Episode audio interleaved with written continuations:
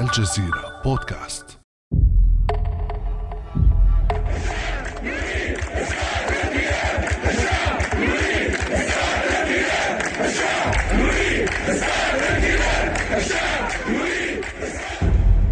منذ أن جمع الرئيس التونسي قيس سعيد كل السلطات بيده في ليلة الخامس والعشرين من يوليو الماضي سادت البلاد حالة من الترقب والضبابية إلى أن أعلن سعيد أمرا رئاسيا في الثاني والعشرين من سبتمبر مانحا نفسه سلطة الحكم بمراسيم.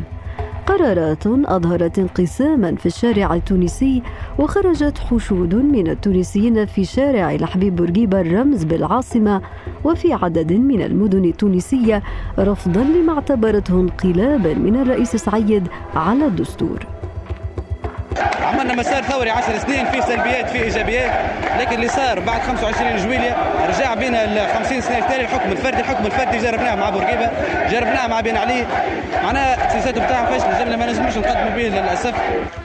لكن الرئيس التونسي الذي تعهد بنصرة الحقوق وعدم التحول إلى حاكم مستبد مضى في إنفاذ قراراته مدفوعا بمؤيديه.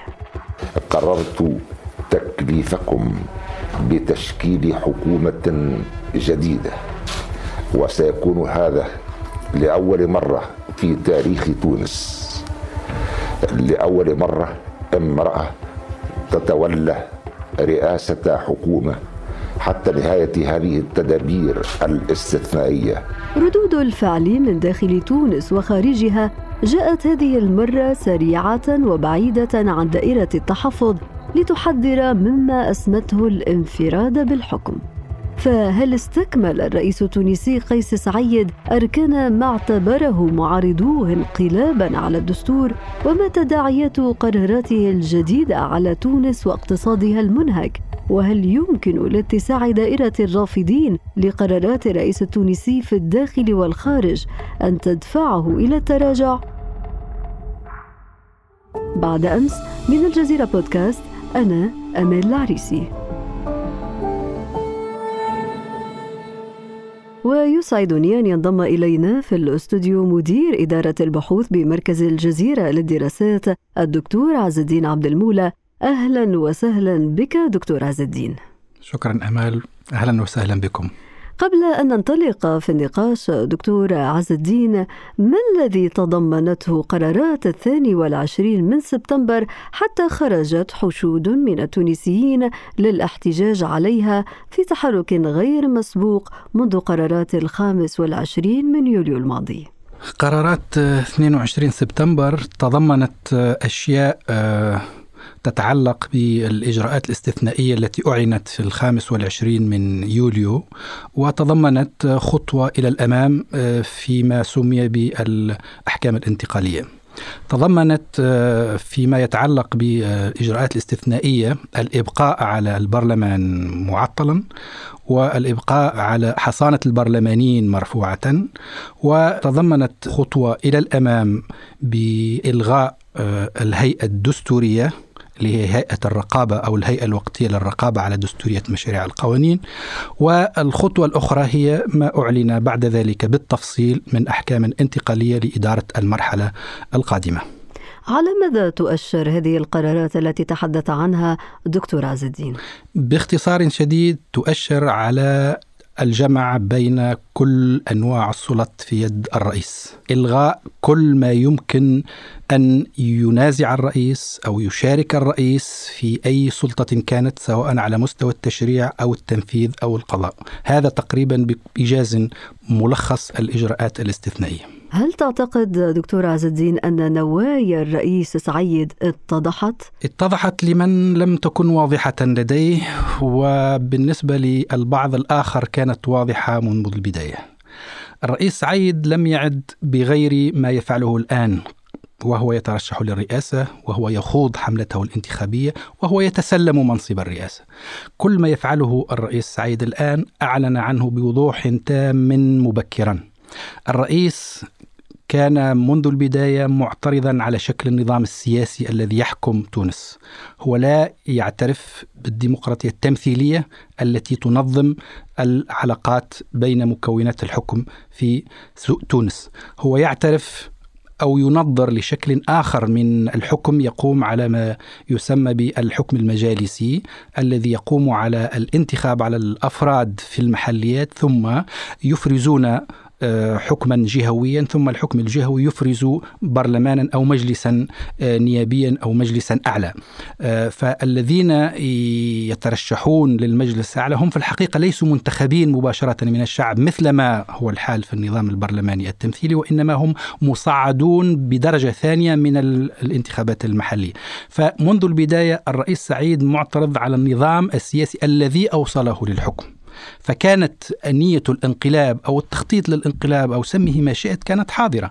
ثانيا هو لا يعترف بالأحزاب. هو يعترف هو يرى أن الأحزاب مكونات انتظامية اجتماعية سياسية تقليدية قديمة عفى عليها الزمن ويرى أنه قادم لعصر ما بعد الأحزاب وبالتالي يرى أن ينتظم المجتمع في أشكال تنسيقيات ترتبط مباشرة بالرئيس تنفذ ما يخطط له أو ما يراه أو ما ينظر له وهكذا تسير الأمور فهو معترض على الوضع آه، بكامله منذ البداية ولم يكون الاعتراض متأخرا مثلا بناء على هيئة البرلمان أو السلوك التي كان يمارسه بعض البرلمانيين أو الفساد كما يشاع هو منذ البداية قادم إلى السلطة وفي برنامجه قلب هذا النظام وإقامة نظام بشكل آخر. ولكن الرئيس سعيد يقول آه، قام بكل هذه الإجراءات استجابة لإرادة الشعب الذي مل كل هذه المظاهر التي شهدناها في البرلمان التونسي والخلافات السياسية وكذلك تفشي الفساد وغيره. فهل تعتقد أن سعيد بالفعل هو يستجيب لمثل هذه النداءات؟ اولا الناظر في الإجراءات الأحكام الانتقالية. أو الأحكام التي أقرها وأعلن عنها في الثاني والعشرين من سبتمبر. لا يجد أثرا واحدا لإجراءات اقتصادية أو اجتماعية. فهي كلها متعلقة بالسلطة كلها متعلقة بالدستور كلها متعلقة بالقانون. لا أثر فيها لأي مطلب اقتصادي أو اجتماعي.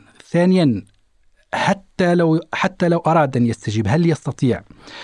لا يستطيع لأن الوضع الاقتصادي والاجتماعي آه، في الحقيقة كارثي في تونس. ميزانية الدولة لم تغلق لهذه السنة ولا زالت تحتاج إلى موارد لاستكمال هذه الموارد.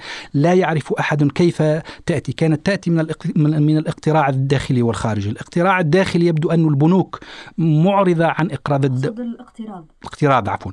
آه، معرضة عن إقراض الدولة المبالغ التي تنتظرها. الاقتراض الخارجي وهو الأهم يحتاج إلى ترتيبات أخرى يحتاج إلى حكومة مستقرة إلى برلمان تمر أمامه الحكومة. كل هذا قوضه الرئيس سعيد ولم يبقى لديه من الهيئات ما يمكن أن يفاوض المانحين الدوليين وعلى رأسهم صندوق النقد الدولي لاستكمال الأقساط الأخرى من القرض الذي آه، أقر سابقا أو لطلب قروض جديدة، فالوضع لا يمكن آه، أن يسمح لسعيد بالاستجابة للمطالب الاجتماعية للشباب الذين خرجوا في الخامس والعشرين من يوليو. استنادا إلى كلامك دكتور عز الدين فإن قرارات سعيد الجديدة وسيطرته على كل السلطات والمؤسسات عوامل عجلت بتوسيع دائرة الرافضين لتوجهاته سواء على المستوى الداخلي أو الخارجي.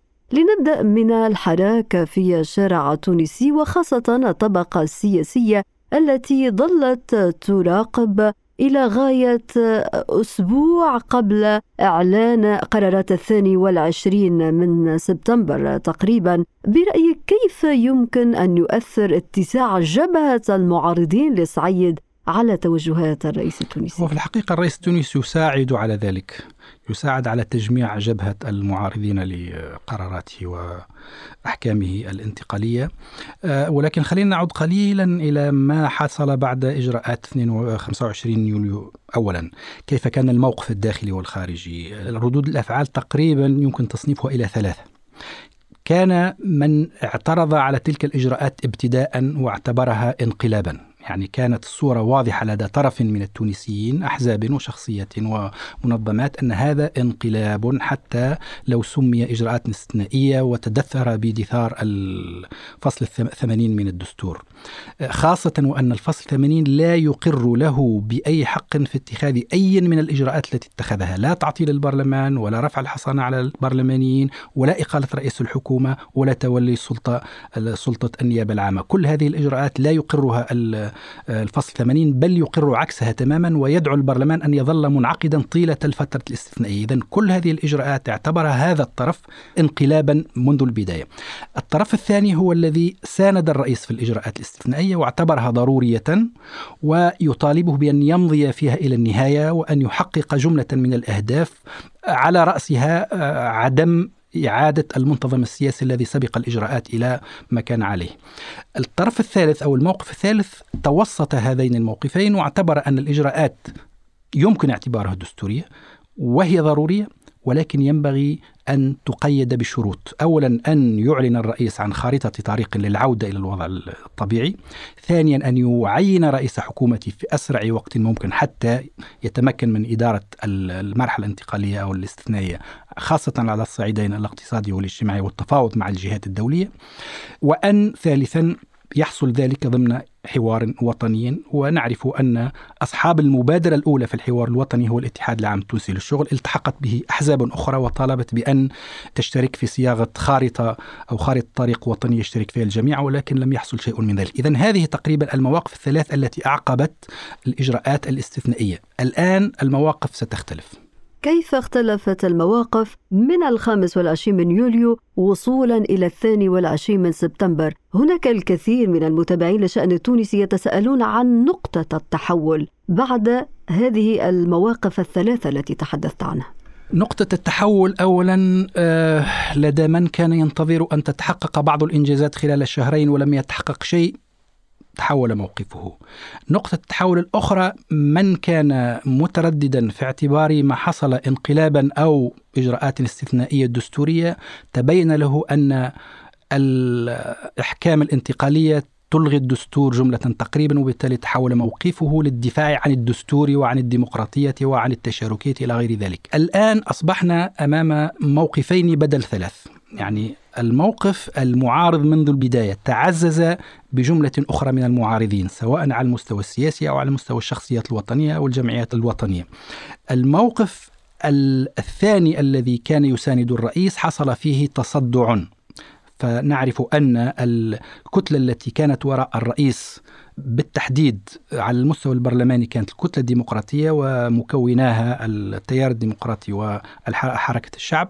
التيار الديمقراطي راجع موقفه وتبين له من خلال الإجراءات الأخيرة أن ما حصل هو انقلاب وبالتالي انفك عن مساندة الرئيس وانفك عن حركة الشعب وأصبح يميل أكثر إلى المعارضة بل يدعو إلى التحرك على المستوى الشارع.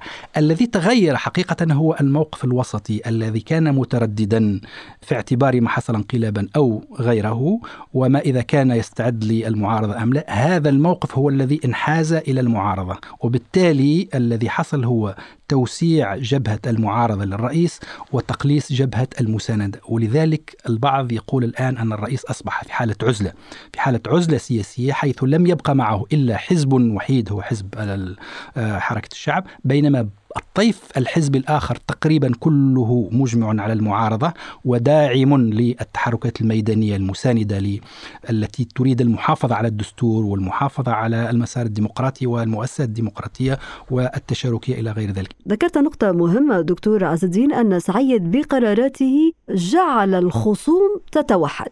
وكذلك هناك حدث مهم وهو الانشقاقات التي شهدها حزب حركة النهضة ذي الأغلبية في البرلمان التونسي كيف تقرأ هذه التطورات في المشهد السياسي التونسي؟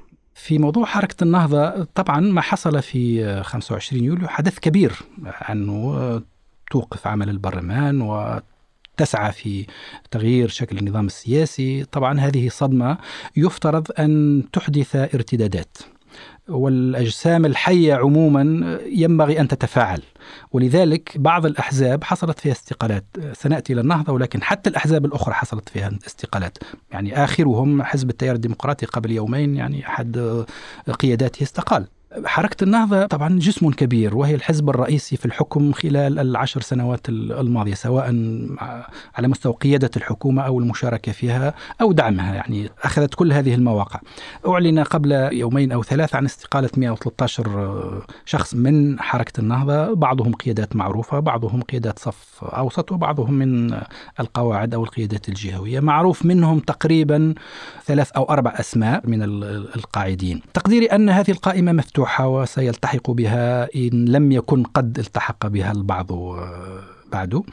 هي ليست مفاجئة للمتابع للشأن النهضوي. لماذا ليست مفاجئة؟ أولا نذكر تقريبا قبل سنة كان ما سمي برسالة المئة. المئة شخصية نهضوية كانوا قد توجهوا برسالة إلى رئيس الحركة الأستاذ راشد الغنوشي يطالبون فيها ببعض الإصلاحات أو وضع بعض الضوابط ودعوة الرئيس إلى عدم تجديد رئاسته للحركة. وكان من بينهم أيضا قياديون بارزون كان عبد اللطيف المكي نفسه في تلك القائمة وكان منهم على ما أذكر عبد الحميد دجلاسي القيادي الآخر والذي كان ينظر إليه على أنه الشخص الثاني في الحركة وقد استقال قبل هذه المجموعة. فالموضوع هو مسار مسار توتر داخل الحركة. زادته الإجراءات الأخيرة ضغطا فحصل ما يشبه الانفجار.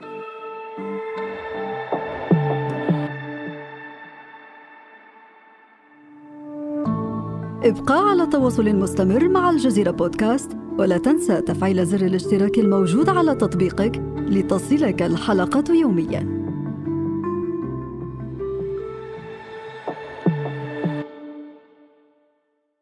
إذا هكذا يبدو المشهد السياسي. قلت دكتور عز الدين أن ما حدث لحركة النهضة أو أحزاب أخرى في تونس كان متوقعا ولكن ربما قرارات سعيد ساهمت في إحداث هذه التغيرات. لهذه الأحزاب يمكن أن تجد حلولا أخرى لكسب شعبية جديدة. ربما فيما كما ذكرت أن الرئيس سعيد يتجه نحو عزلة أكبر لكن في المقابل هناك آراء أخرى تقول يقول أن رئيس سعيد في كل مرة يجدد تعهده بأنه لا يتجه إلى حكم الفرد وإنما يسعى لإحداث تغيرات وسيعلن قريبا على استفتاء لإرجاع الأمور للشعب التونسي. وهذا يقودنا للحديث عن ردود الفعل الخارجية والدولية. برأيك هل يمكن أن تضغط على الرئيس التونسي للتراجع عن قراراته؟ هذه المواقف بدأت تتصاعد بعد الإجراءات الأخيرة آه، سمعنا برسالة الكونغرس لوزير الخارجية الأمريكي آه، تسائله آه، وتطرح عليه مجموعة من النقاط مهمة جدا أنا أعتبرها ضغطا قويا وربما يتصاعد في المستقبل. طرحت عليه سؤال هل ما حصل في تونس يعتبر انقلابا أم لا؟ وإذا كان قد اعتبر أو إذا كان يمكن اعتباره انقلابا ما هي الإجراءات التي سنتخذها على المستوى الأمريكي آه للضغط عليه؟ أكدوا أن الإدارة الأمريكية تمنح تونس مساعدات وربما تتوقف إذا اعتبر هذا انقلاب. من بين المساعدات ربما أهم هي المساعدات العسكرية. النقطة الأخرى ينبغي أن يلتزم الرئيس سعيد بالحقوق والحريات وأن يعود سريعا إلى المسار الديمقراطي والمؤسسة البرلمان وتحميل المسؤولية على الانقلاب وعلى كل من اشترك فيه ربما تفرض عليهم عقوبات في وقت لاحق. هذا التهديد في الحقيقة هو رسالة رسالة مهمة جدا وربما تتصاعد في الأيام القادمة لأن هذه الرسالة تقول نحن تواصلنا مع الرئيس الأمريكي على مستوى رسالة من الوزير الخارجية على مستوى وفد السيناتورز يعني قابلوه ولم يتخذ أي إجراء يوحي بأنه يسمعون أو يتفهم. ما يعني انه ربما سيتطور الموقف لاحقا. السؤال المطروح اليوم دكتور عز الدين هو ما هي السيناريوهات المحتملة؟